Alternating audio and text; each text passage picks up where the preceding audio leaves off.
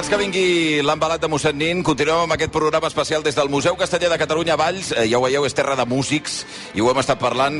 Avui eh, volíem parlar també d'una figura que va néixer aquí l'any 1896, Robert Gerard, un compositor a qui durant molts anys es va ignorar eh, i van ignorar la seva música. Fins i tot Lluís Millet, el fundador de l'Orfeo Català, va considerar-lo un pseudomúsic, eh, però amb el temps s'ha eh, sabut valorar la seva obra, sobretot a nivell internacional, i fins i tot actualment se'l considera pioner, atenció, de la música electrònica a Europa.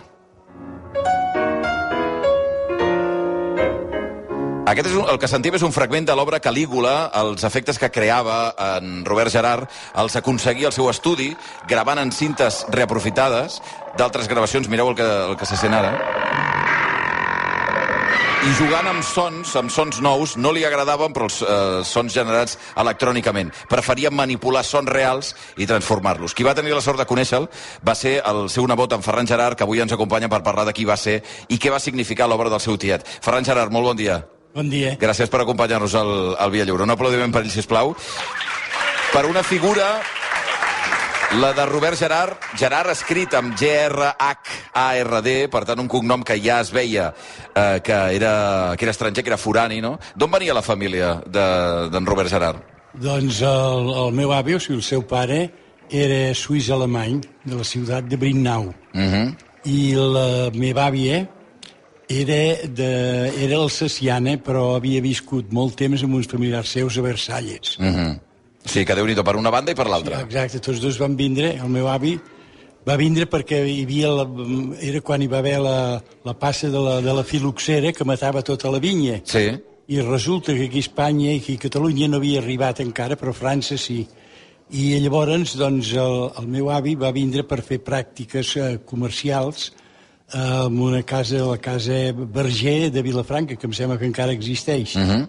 I allí, doncs, hi estava passant una temporada l'àvia, que era una neboda de, de la família Berger.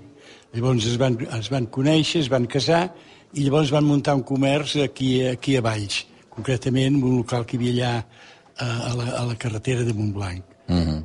I la passió per la música on li agafa el seu, el, el seu tiet? Bueno, de molt petit hi ha una, una anècdota que, doncs, eh, un dia es va escapar de la, de, de la niñera que el cuidava i va seguir un, un, un manubri, una persona doncs, d'aquests que llavors en aquella època anaven a vegades pels carrers amb un piano que anaven fent rodant a manet i anava, i es anava escoltant la música. Ah, ostres, sí, sí, sí. I llavors doncs, ell es, va estar escoltant-lo i quan, quan, quan aquell eh, organista va marxar, el va seguir carretera enllà sí, com si fos el flautista de Melín, una mica, no? Emportant-se sí. la canalla, en aquest cas, sí, sí, doncs, a través de la música.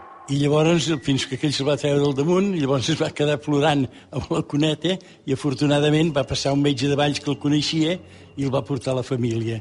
O sigui, que això, això era molt jovenet, és clar. Clar, o sigui, que es va quedar fascinat ja per la música de, de jove sí, sí. i llavors va començar a experimentar. I va després, ser... Sí, digui, digui. I després sempre va, sempre va tindre interès per la música. Mm -hmm.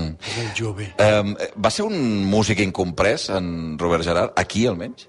Sí, aquí, potser als altres llocs també, perquè clar, la seva música era molt innovadora, la, la música de decafònica amb Schoenberg, llavors tot just començava, i doncs, és clar, doncs, era, era una mica desconegut i el, el que comentàveu abans de que uh, alguns el, el, van, el consideraven, inclús van, es va en un article en Millet, va arribar a dir que allò no era música. Que no era música, no? En Millet va dir això, no? Sí, esclar. Però... però en canvi amb els anys se l'ha considerat pràcticament pare de la música electrònica, que és la música que, que sí. ara mateix eh, té més presència. Sí, efectivament.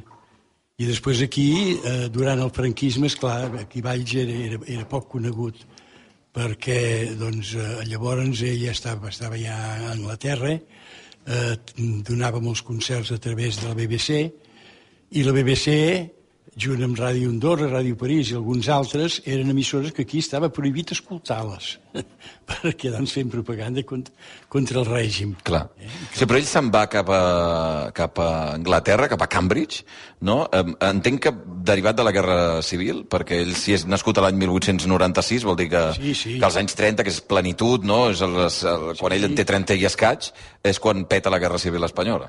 Sí, doncs sí, exactament. És que ell, quan, va, quan va acabar la guerra, estava, no, ara no recordo quin país, en un congrés de música i això. I després li vam aconsellar que no tornés, Home, Per què li van aconsellar que no tornés? Bueno, perquè aquí, eh, clar, el, el, el, el seu germà Carles havia sigut diputat de la Generalitat i això ja era suficient llavors perquè comprometés la, a tota la família, no? I, i d'això... I llavors, doncs, eh, aquí el, el meu pare es va trobar amb, amb amb una... Primer, el meu pare, doncs, bueno, no, no, va, no va haver, no, nosaltres no vam haver, de- no ens vam haver d'exiliar perquè doncs, el meu pare més o menys estava bé amb tothom. Durant la guerra havia mirat de- de- d'ajudar tot, a tothom qui pogués, tant d'un costat com l'altre. Un exemple, per exemple, el Josep Maria Fàbregas, que, era, que va ser després de- d'alcalde de Valls, mm -hmm. eh, el- havien, el havien cridat a files de l'exèrcit republicà i quan va ser al front va desaparèixer. I llavors, és clar, la família estava molt preocupada perquè no sabia què havia passat. I el meu pare, a través del consulat suís, va aconseguir localitzar el, el, el bando franquista, que, on, on inclús va tindre un grau oficial, no sé si capità o què, uh -huh. i eh, doncs es va saber que estava bé. I a més a més, inclús va, va aconseguir doncs, a través que, eh, fer arribar correspondència amb la seva família a través de la, de la valixa diplomàtica del Consolat Suís de Barcelona. Mm. Això per un cantó. I després, per per l'altre costat, per exemple, Josep Maria Magrinyà, que havia sigut alcalde de Valls, no Sí. havia fet res mal fet, perquè havia ajudat molta gent, però doncs, el, després de la guerra el, el, van, el van detindre i el van condenar a mort. Mm. I llavors, doncs, eh, junt amb el meu pare, junt amb, amb un sacerdot, que em sembla que es deia mossèn, no me'n recordo ara, doncs van intentar eh, a- mirar de, de salvar-lo. I eh, d'això, i, per, i en aquest judici precisament, doncs eh, quan eh, hi havia el fiscal que quan eh, miraven de defensar el Josep Maria Magrinyà, doncs va dir que amb ell, com que els, els rojos li havien mort eh, dos fills, que tot el que es digués a favor d'aquella persona no, doncs no es podia, Clar. no, no es podia tindre en compte. Vaja, que era, era un risc eh, claríssim el retorn cap a, cap a, moment, cap a Catalunya. Clar, en aquell moment es va, s'havia decidit si el tiet Robert tornava o no. Clar, clar. I, I van dir que no, que millor que no. aconsellar que de moment no. Eh, va, va arribar a tornar en Robert Gerard a Catalunya? Bueno, va tornar als estius en plan de vacances, això, però eh, Per quedar-se a viure mai, eh? havia quedat a viure, no, perquè llavors, és clar, estava, estava doncs, molt ben reconegut a Anglaterra, aquí doncs, el desconeixíem, per això, com he dit abans, que no... O sigui, en el mateix moment, en aquella, aquella, aquella època franquista, el Regne Unit, Robert Gerard, que a més a més pel nom, potser es devien pensar que no era ni, ni català ni espanyol, no? Perquè Sí, això del nom... Robert Gerard, no? Deu ser, vull dir... Això de que es deia, es- ell es posava Roberto. Es posava Roberto? Perquè sí, i alguns pensaven que era per, per doncs, desafecció amb Catalunya. No, no era per això. per què? Robert en català i Robert en anglès s'escriu exactament igual. Clar, que es pensava... Es podrien... Ell ho feia perquè va posar Roberto perquè no volia que, que, que passés per, Com anglès. Per anglès. No sé per què, això no sé per què. Jo no, no li havia sentit dir mai res contra Anglaterra, no sé. Mm -hmm. Potser podia ser... No, però era una, era una forma de, de, de la seva identificació amb Catalunya. De fet, el contrari, no? Perquè algú pensaria Roberto, ah, clar, pel règim, i no, i era el contrari. Era per, per eh, separar-se dels, dels britànics, clar, dels anglesos. Pues, eh, per tant, en aquell moment, durant el franquisme, era un tipus molt conegut a Anglaterra que feia concerts per la BBC i a Catalunya ningú sabia qui era. No, no, bueno, els seus amics, sí, alguns coneguts, doncs, Ostres. s'ho deien, escolta tu, que tal dia hi ha, hi ha el concert de Robert Gerard. I, bueno, I, i, com, I quan va començar a canviar això i va començar a ser una mica més... Eh, S'ha fet una feina de reparació des de- ui, doncs bastant, d'aquí. bastant, bastant més tard. O Perquè, sigui, han passat dècades, no? sí, després inclús el començament de la democràcia, doncs clar, com que fins llavors havia estat reconegut. I la seva música era, era difícil de tocar, inclús, doncs eh, va tardar una mica, després no, després ja van, inclús en unes festes de la Candela, van vindre un, un, uns, la BBC a fer un reportatge sobre ell, i va ser quan, doncs, eh, aquí llavors van dir, tothom el va conèixer ja, no? Però llavors això ho va arribar a veure, el, el seu tiet? Que hi havia un reconeixement a casa seva? No, no, no, no això no. Això no ho va poder veure mai, Va morir l'any sí, l'any 1970. el 1970, ja en- encara en franquisme, Sí. i per tant mai va saber que aquí hi hauria un quartet posterior, que es diria el quartet Gerard i tot No, això. de cap manera no, no va saber això, no. Què hagués pensat? Home, suposo que li ha agradat molt. Mm. I per la família com ha estat aquesta, aquesta no sé si reparació d'alguna manera, no?, de la figura també des de, des de Catalunya. Home, molt satisfets, és clar. Mm -hmm. Home, m'imagino que és d'aquestes coses difícils de portar, no? Perquè el, el tiet ha mort a l'estranger, eh, ha estat víctima de la dictadura i a sobre no el coneixen aquí. Ja, ja. no, no, evidentment. Um, pel que fa al llegat, el seu llegat s'ha conservat bé?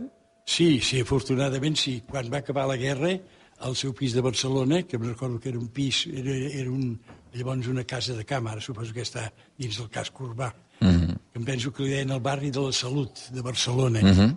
i jo em recordo que havia anat i que hi havia una galeria que donava el tom a tot, a tot, a tot l'edifici. Doncs, bueno, allí quan va acabar la guerra, allò van saquejar.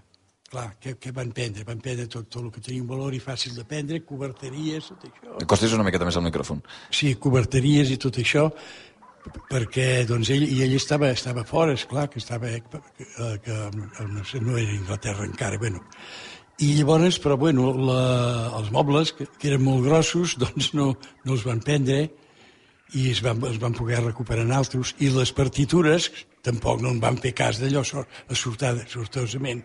I llavors el meu pare va aconseguir que el consulat suís ho presentés com a béns d'un subdit suís i ja no van tocar res més i llavors ho vam, ho vam, ho vam tindre tots a, casa i, i després, ho, després ho vam donar a l'Institut d'Estudis Vellencs. Mm. Aquesta és la història increïble d'en Robert Gerard, una persona que va ser reconegudíssima, que és un pioner de la música, que ara mateix es, es marca, eh, marca el ritme a tot el món, que és la música electrònica, i que ja des dels anys 30 eh, doncs es promocionava d'alguna manera en, el seu, en les seves beceroles a nivell internacional amb, amb un gran paper, un gran coneixement a la societat britànica, mentre a Catalunya, a la seva terra, a Valls, era un absolut desconegut, evidentment, víctima de la foscor del, del franquisme.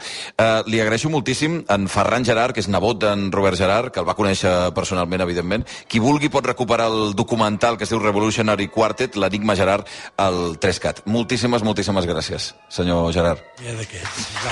Quan arribem pràcticament a la una del migdia, avui des de, des de Valls.